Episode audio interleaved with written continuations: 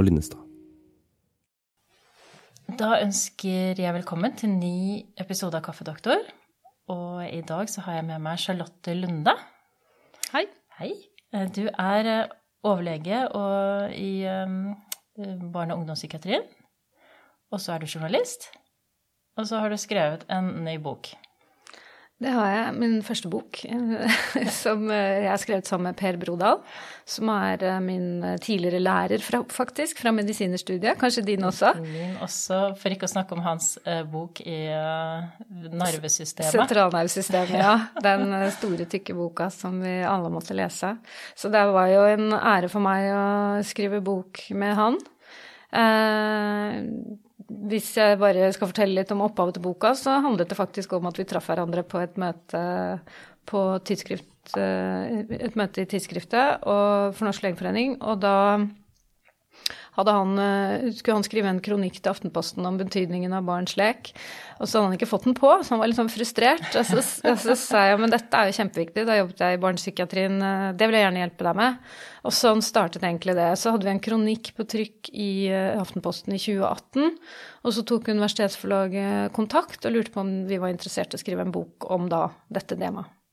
Så da, ja, så, så det var liksom sånn denne boka og dette samarbeidet ble til. eh, og det har jo vært et utrolig hyggelig og morsomt samarbeid hvor vi begge har lært av hverandre gjensidig, tenker jeg. Så morsomt. Og boka heter 'Lek og læring i et nevroperspektiv'. Um, Og så må, har- må man ikke glemme undertittelen 'Hvordan gode intensjoner kan ødelegge barns lærelyst'. Det har du helt riktig. Fordi at det er et, vi har en liten sånn kritikk og en liten bekymringsmelding også i, i denne boka, eh, som handler om at vi mener at barndommen er veldig endret, og at det har skjedd på veldig kort tid. Eh, og at vi ser konsekvensene av dette bl.a. der hvor jeg jobber, i barne- og ungdomspsykiatrien. Mhm. Eh, og den bekymringsmeldingen starter dere faktisk opp med. Um, jeg må bare si veldig kort liksom, hvordan boka deres er bygget opp, for de som ikke ser den. Um, den har fem kapitler. Uh, og den første er uh, rett og slett en bekymringsmelding. Uh, fratar vi barna lærelysten. Og så er det et kapittel som er om hjernen, læring og lek. Og så er det tredje kapittel, grunnleggende forutsetninger for læring. Eh, og nummer fire, lekens betydning for barns læring og utvikling. Og så har dere det siste kapittel om når noe går galt. Så det er sånn eh, dere har bygget den opp. Um, og jeg har nettopp lest den, og kan allerede si at jeg anbefaler den. Men jeg tenkte vi kunne begynne litt med begynnelsen, eh, fordi dere snakker da om at eh, noe har endret seg i barns oppvekstvilkår. Hva er det du vil trekke frem da? Altså det vi hovedsakelig snakker om i denne boka, det er jo den frie leken og barns mulighet for å utfolde seg eh, på egne premisser. eh, som jo leken er. Altså jeg pleier å si at barns eh, Altså lek er barns viktigste studietid. Og den er de blitt fratatt tidsmessig både ved at barn my begynner mye tidligere på skolen og veldig raskt kommer inn i et test- og prestasjonsmodus. Eh, modus, eh, og, eh, og at de digitale plattformene også tar en del av denne tiden da, som barn tidligere brukte til å hva skal jeg si, utfolde seg i et fysisk miljø hvor de oppdaget verden på, på egne premisser, og med det også utviklet egen nysgjerrighet og, og, og lyst til å lære. Dere snakker jo en del om um, dette med seksårsreformen. Den er dere ikke spesielt begeistret for. Nei.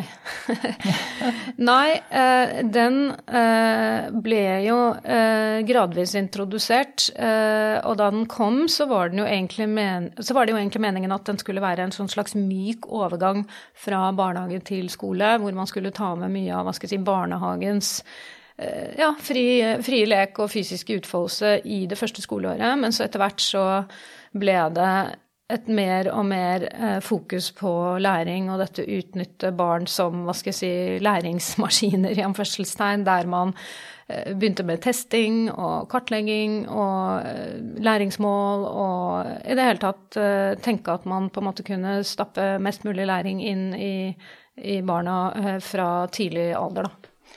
Jeg tenker på dette med læringsmål, fordi uh, det med målbeskrivelser Nå har jeg altså barn, jeg har også reagert på det hvor mye det er som på en måte er um, uh, man, man, strekker seg mot et veldig konkret mål. Når man leser en bok, f.eks., så leser du ikke boka fritt. Du skal uh, lese den på en spesiell måte, for du skal få dette og dette ut av boka. Så en del unger leser jo først målbeskrivelsen, og så leser de det de skal lese. Ja. Eller de liksom De får en oppgave, så ser de først på målbeskrivelsen, og så begynner de å gjøre oppgaven. Ja. Det er jo helt uh, Hva skal jeg si bakvendt. Det er veldig styrende, i hvert fall. Veldig styrende, og det tenker jeg er uh, det veldig mange barn og unge opplever altfor tidlig i vår tid. At det er noen andre som har noen forventninger og noen noen mål på hva du skal kunne og hva du skal gjøre. Og på den måten så mister barn sin egen drivkraft og sin egen eh, oppdrift på å utforske miljø og bøker og være nysgjerrige på egne premisser.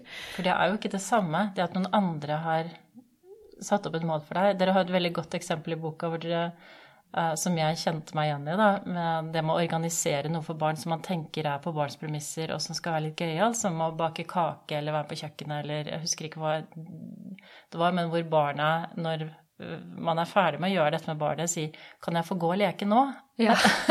Sånn, det har jo de beste intensjoner i å gjøre denne hyggelige tingen sammen, men det er åpenbart ikke det samme som lek. nei, nei, ikke sant. Det er Altså, barn, hvordan barn formulerer det, er utrolig Altså, vi må lytte mer til hva mm. de sier, ikke sant. Det, det, innebærer jo ikke at ikke det var hyggelig å bake, men det var ikke det som var liksom mitt prosjekt nå, som, som lite barn, ikke sant. Og ofte når du uh, ser barn leke, så hvis du forstyrrer dem, eller hvis du går inn i leken, så vil de jo ofte si liksom ikke forstyrr, eller bli litt sånn irriterte. Eh, og jeg vet ikke, nå er det kanskje lettere å distrahere dem fordi de er mer distraherbare, men, men det handler om eh, Og det syns jeg også var veldig interessant da vi skrev den kronikken i Aftenposten, så var det en leser av kronikken som skrev til oss at hun husker da hun var liten at hennes foreldre, når de skulle kalle barna ned til middag, eller søsknene ned til middag, så eh, lot de dem alltid leke ferdig. De liksom gikk inn og sa nå skal vi spise om en halvtime, da må dere komme. De avbrå avsluttet ikke leken, men sa dere må gjøre dere ferdig. Altså sånn uvanlig respekt for ja. at, at lek er en prosess, og at barn er inne i noe viktig, som er på en måte litt av deres utviklingsarbeid, eh, når de leker mm. eh, på egen hånd. Mm. Hvis du skal si eh, fordi dere snakker jo også mye om at eh, barns lek er viktig for eh, ikke bare for å ha det hyggelig og få lov å drive med sitt eget prosjekt, men det er rett og slett viktig for hjerneutvikling?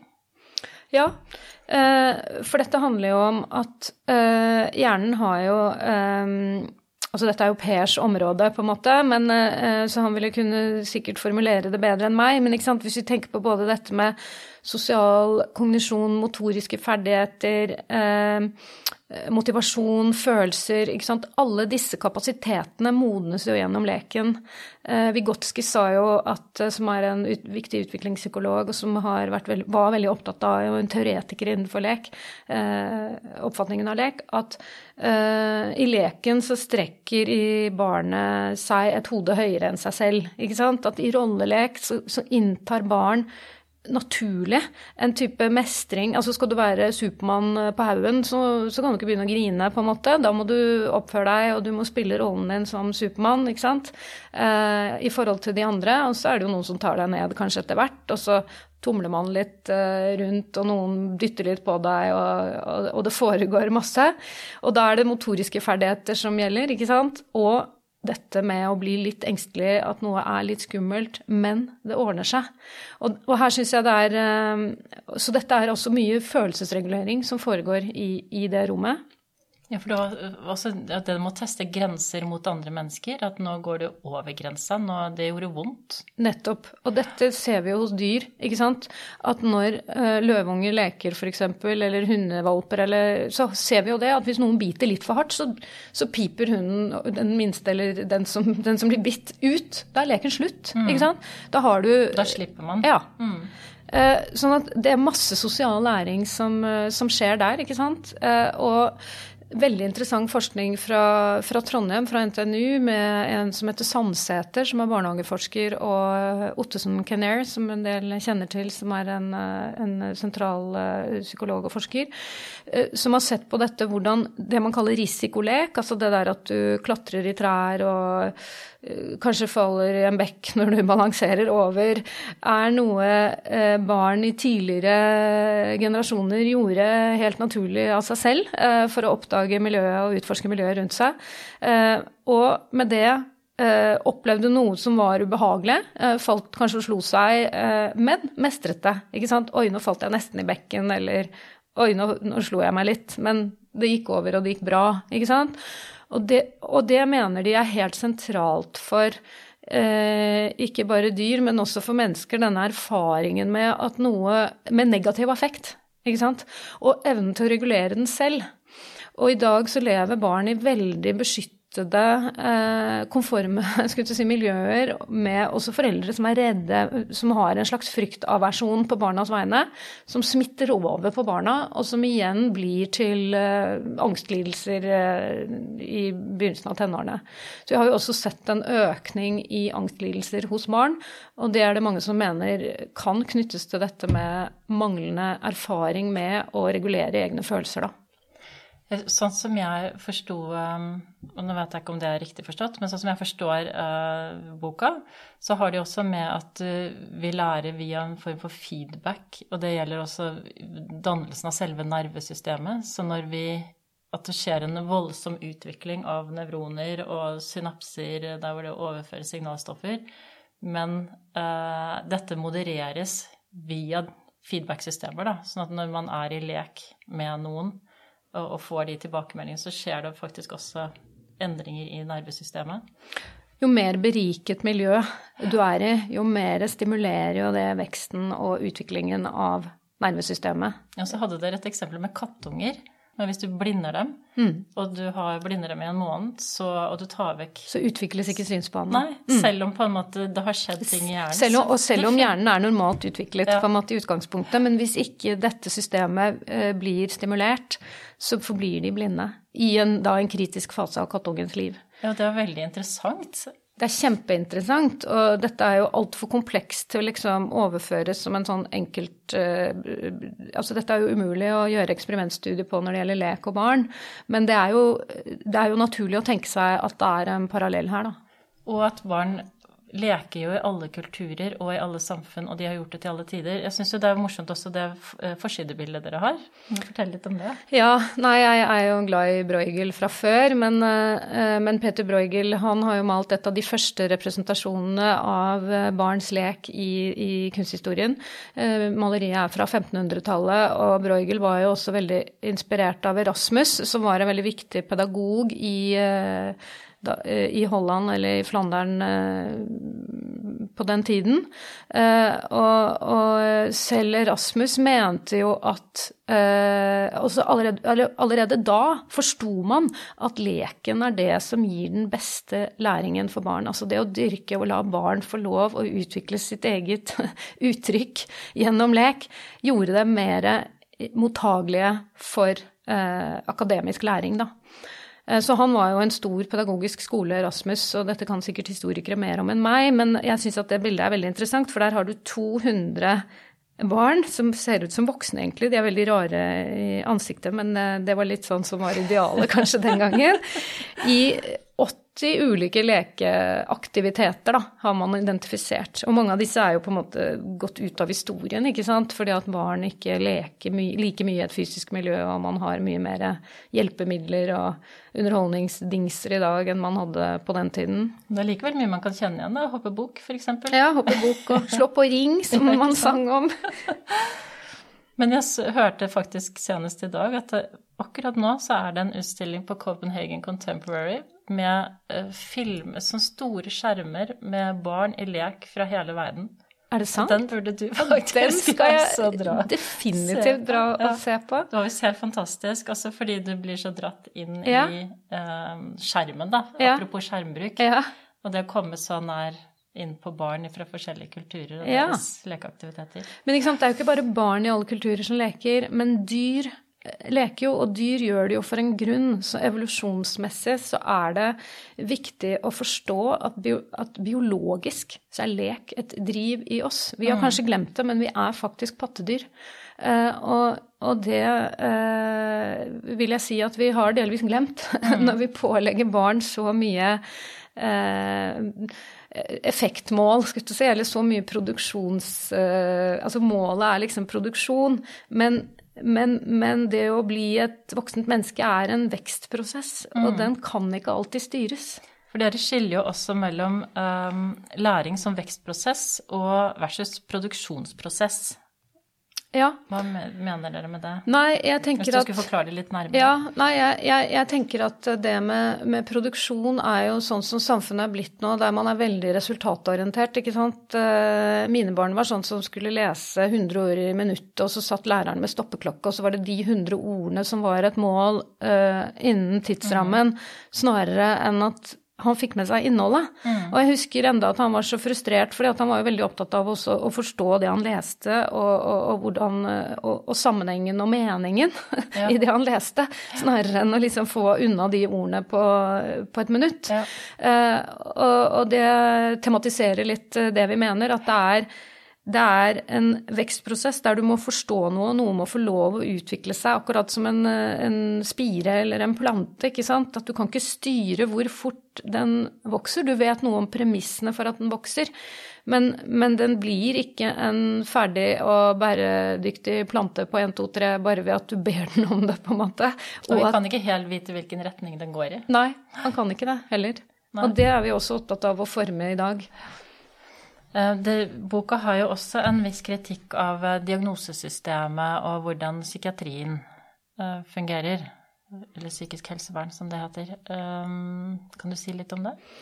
Hva, hva, er konsekvensene, tenker dere?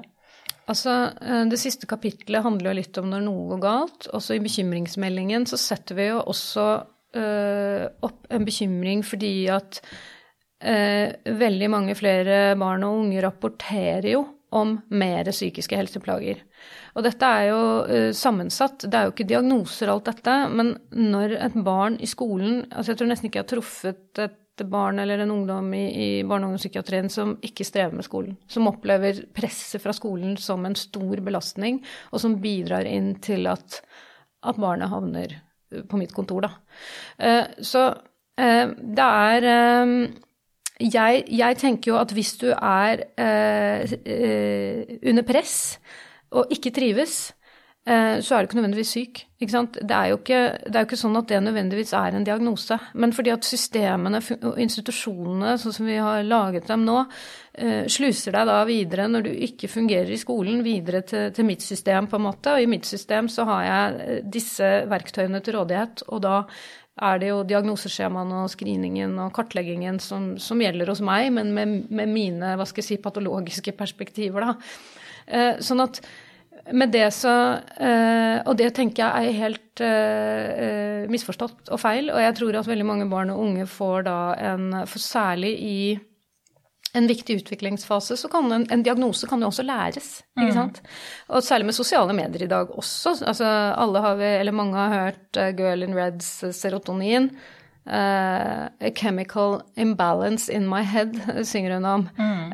Og at det fikses med serotoninreopptakshemmere. Ikke sant?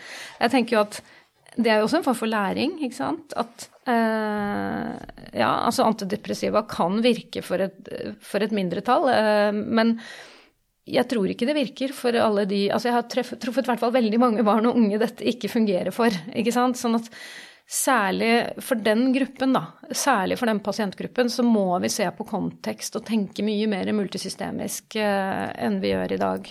Og ikke bare trekke ut symptomene og gradere dem og eventuelt medisinere dem. Så tenker jeg det er vel også noe med, selv om du tilfredsstiller kriteriene, så behøver det jo ikke nødvendigvis være medisiner som er den riktige medisinen, holdt jeg på å si. Men det er vel sånn vi ofte ender opp med å agere, at vi gir en uh, medisin, da. Mm. Fordi det er så lett, og det er egentlig utrolig billig i forhold til det vi kanskje burde konsentrere oss om, og se på hele konteksten og se på om vi kan endre ting i læringsmiljøet. Det er billig der og da, men det er ikke billig på sikt, ikke sant. Og dette har vi også sett, og jeg viser til en, en et større forskningsarbeid med, fra Institutt for arbeidslivsforskning som har sett på at i 2018 så var det en tredjedel av barn og unge mellom 11 og 18 år som fikk en psykiatrisk diagnose. En tredjedel. Altså én av tre norske barn og mm. ungdommer fikk en psykiatrisk diagnose. Ikke sant? Det er jo ikke det er, det er jo verken bærekraftig eller evolusjonsmessig fornuftsbasert. Ikke sant? Det, det, er jo ikke riktig. Så da er det noe med hvordan institusjonene fungerer. Eh, og eh, da tenker jeg jo at eh, da må vi tenke nytt om hvordan vi organiserer institusjonene og barn og unges oppvekst. For selv om en pille kan hjelpe, og det vet vi om noe fra fra langtidsstudier. Det er jo altfor lite langtidsstudier på, på um, medisiner, psykofarmaka til barn.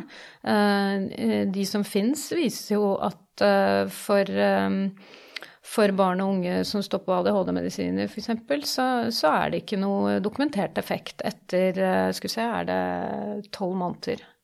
Sånn at Eller er det ni måneder? Nå husker jeg ikke helt presist. Men langtidseffekten det var eh, noe som heter MTA, Multimodal Treatment Study, som er den lengste studien som er gjort på ADHD-medisinering noen gang. Eh, det var 500 barn som man fulgte da fra, fra barnealder opp til voksen alder, og de som hadde stått på medisiner, gjorde det ikke noe bedre, eller hadde det ikke noe bedre enn de som eh, ikke hadde fått medisiner i, som voksne, da. Eh, Men de var litt lavere i høyde. Altså sånn, de hadde redusert høydevekst. Det var liksom det eneste de fant. Som de relaterte til medisinen? Ja. ja. Som er direkte relatert til medisinen.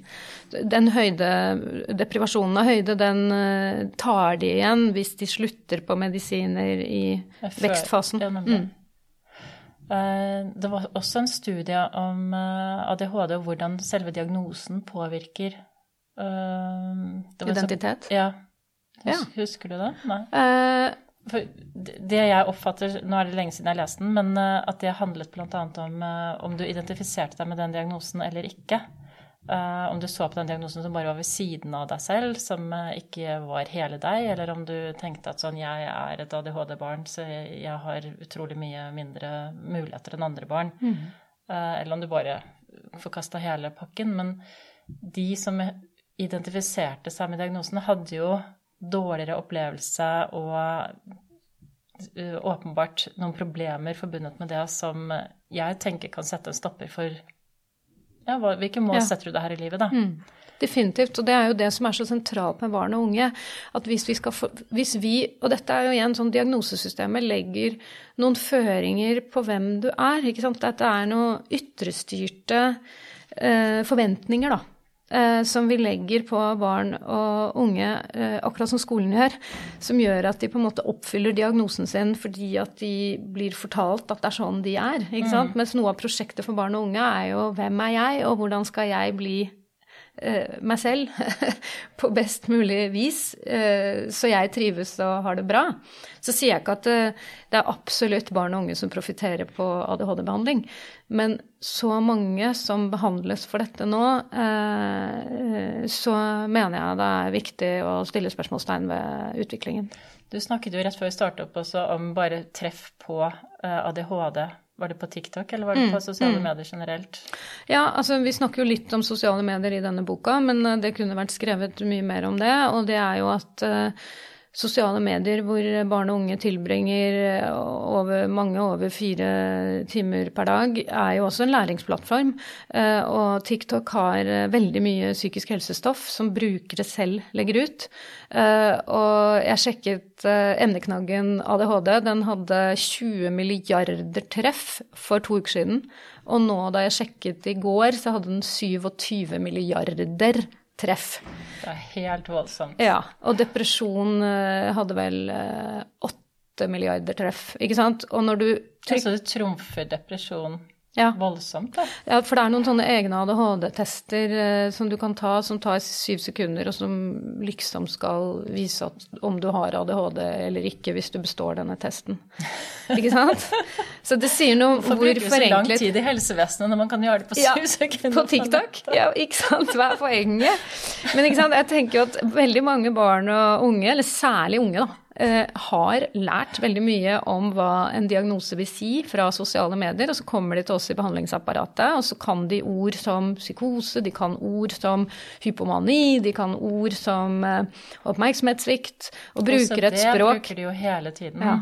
Det er type Å, er det OCD-en Ja. din? Ja, ikke sant. Jeg angster litt, Ja. ikke sant. Sånn at de har på en måte integrert et språk fra uh, psykiatrien som, uh, som er uh, Som kan lure oss, da. Eh, så jeg tenker jo at det er så, derfor det er så utrolig viktig. Dette med funksjon, og at vi i psykiatrien som møter disse pasientene, må være først og fremst opptatt av funksjon før vi er opptatt av hvilke symptomer de rapporterer. Altså sånn med selvfølgelig en viss klype salt i det jeg sa nå. eh, for, Ja, men du skal ha en sunn skepsis, Ja. fordi du Ja. kan lære deg nesten alt. Ja. Eh, og, og, og vi vet jo også at hvis du kjenner Vi som har studert medisin, jeg har, var i hvert fall sånn, jeg fikk jo alle mulige ting som jeg leste om. Ja, Eh, ikke sant? Ja, nettopp. Ja, nettopp. Det er jo det samme for dem. Det er det samme. Ikke sant? Så jeg tenker at det er uh... Medical students disease heter det. Ja, gjør det det? Ja. ja, ikke sant? Vi har jo alle hatt det, vi òg. Så jeg tenker at det er, eh, det er viktig å ha med seg eh, hvor de har lært begrepene. Eh, og jeg har også pasienter som har følgere på TikTok, og som får også en del likes, eller hva skal jeg si, eh, hjerter av å være innlagt på, i akuttpsykiatrien, f.eks. Men det var det vel en eller annen som snakket om i et intervju for ikke så lenge siden, kan jeg ikke huske hvilken, eh, hvilken plattform det var på. Eh, Men som også sa det gjorde at det var vanskelig å komme ut av den situasjonen, fordi du har på en måte følgere som på en Ja. måte i- Fang- de er- du blir fanget i du blir brukeren. i sykdommen din Ja. fordi følgerne dine trenger at du Ja. er der hvor du er i sykdommen. Så det å bare si 'oi, jeg ble frisk', eller nå føler jeg meg bedre', nei, men det passer ikke i den brukerprofilen, da. Noen har begynt å bruke et ord som diagnoseinfluenser. Ikke sant? Hvis du først er en diagnoseinfluenser, for å bruke det begrepet, så er du jo, eh, så, er det jo en rolle du mestrer. Ikke sant? Det er jo veldig mye annet i dagens samfunn som er ganske vanskelig å mestre. Ikke sant? Med høye skolekrav og eh, prestasjonskrav overalt. Men en diagnose, en sykerolle, kan du jo kan jo de fleste på et vis klare å mestre. ikke sant? Og den kan du også mestre ganske bra da, hvis du har følgere på TikTok. Ja, ja. Du snakker um, også i boka di, eller dere gjør, da, uh, om uh, når noe går galt.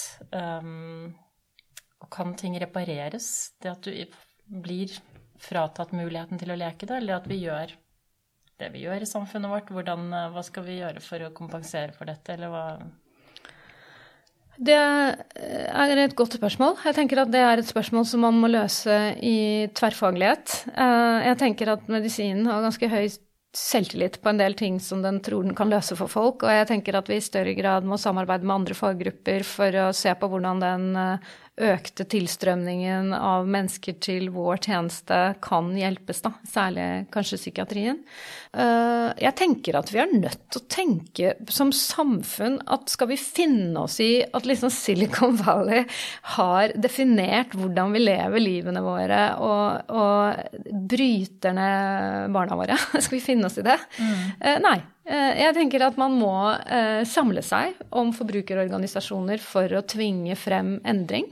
Og det gjør vi kollektivt. Vi gjør ikke det ved den økte individualiseringen som vi ser i en ung generasjon nå. Så jeg tenker at vi må, vi må jobbe sammen eh, mot, og vi tenker vi må bruke politikk, vi må bruke de virkemidlene vi har for å, for å hva skal jeg si, endre endre en del av disse mekanismene som fører til at eh, barn og unge blir invadert av informasjonsmiljøer som rett og slett er ganske skadelige for dem.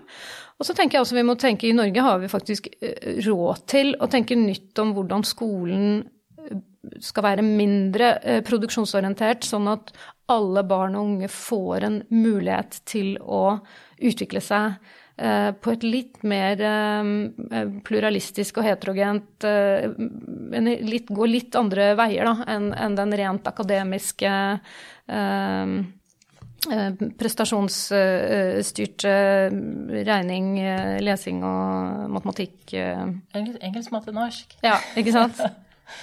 Men også egentlig litt om eh, i forhold til, hvis vi først er på skolen, da, med bare utearealer. Ja.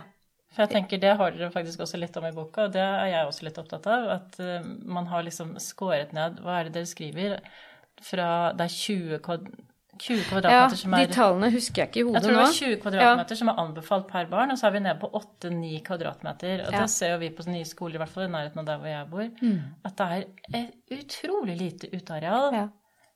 Altså Fortettingen i byene gjør jo, gjør jo kanskje det vanskelig, men jeg tenker at det å tenke friminutt-faget, at friminutt er et fag, nettopp der hvor barn får utfolde seg naturlig i samspill med andre barn, er en utrolig viktig eh, sosial arena, og en eh, minst like viktig del av det å, å vokse opp og forstå verden og hverandre og våre, utvikle våre sosiale kapasiteter og fellesskap som vi trenger mer enn noen gang i vår tid, enn um, enn en det å sitte og lære enda mer matte og kunne tredjegradsligninger eh, når du går ut av tiende klasse, liksom. Eh, jeg, jeg tror at skal vi endre dette, så må vi eh, bli opptatt av sosial kompetanse og empati og en del, ja, som man kaller på dårlig norsk, pro-social skills.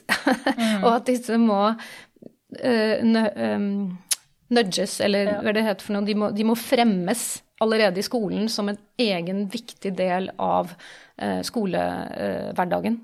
Eh, man har jo eksempel, det er noe som heter Hopp i Vestfold, et veldig interessant skoleprosjekt der man eh, hadde en del sosiale, sosioøkonomiske utfordringer i populasjonen, hvor man lot barna ha mye mer uteskole, mye mer friminutt, eh, og eh, lekte mer og, og, mer lekende Frilek? Ja. Ja.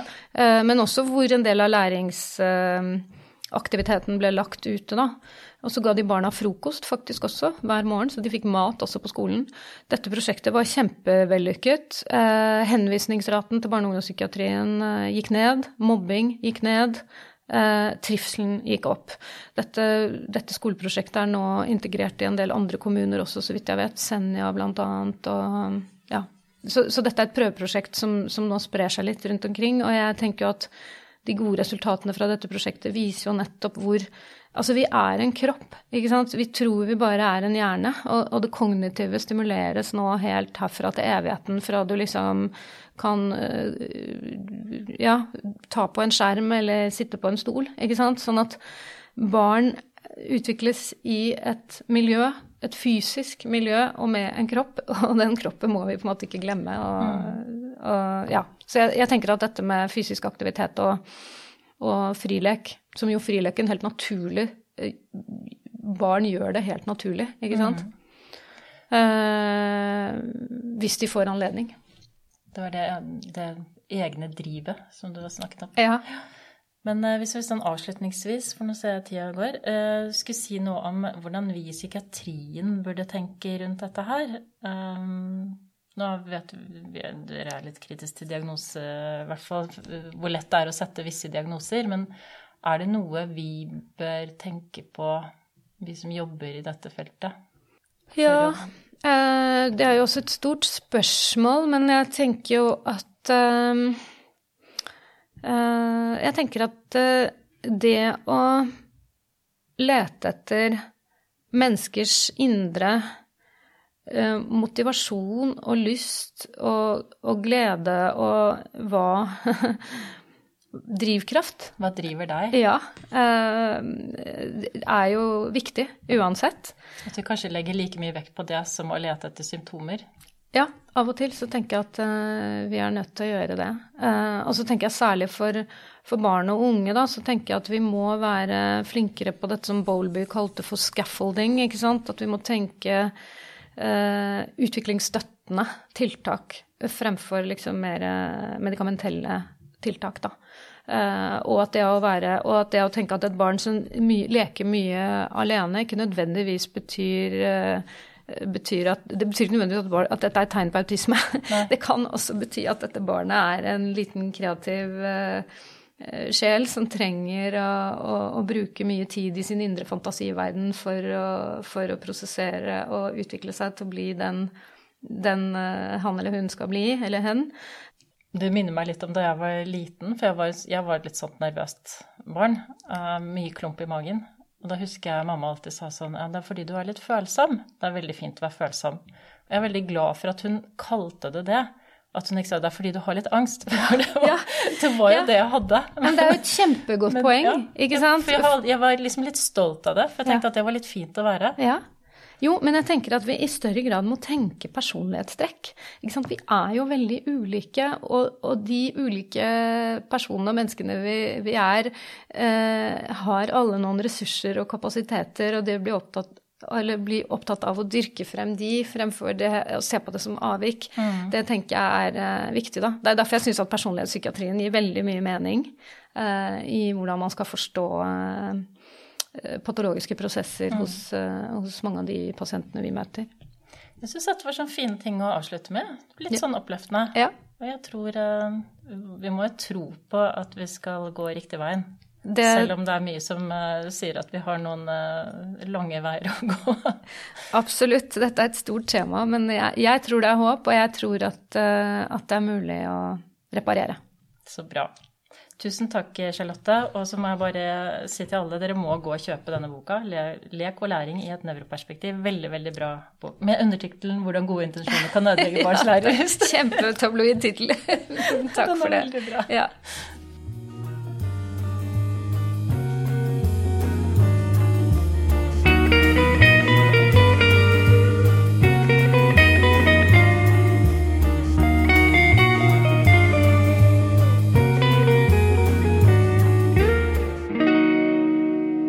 Kaffedoktor med Rom og Linnestad.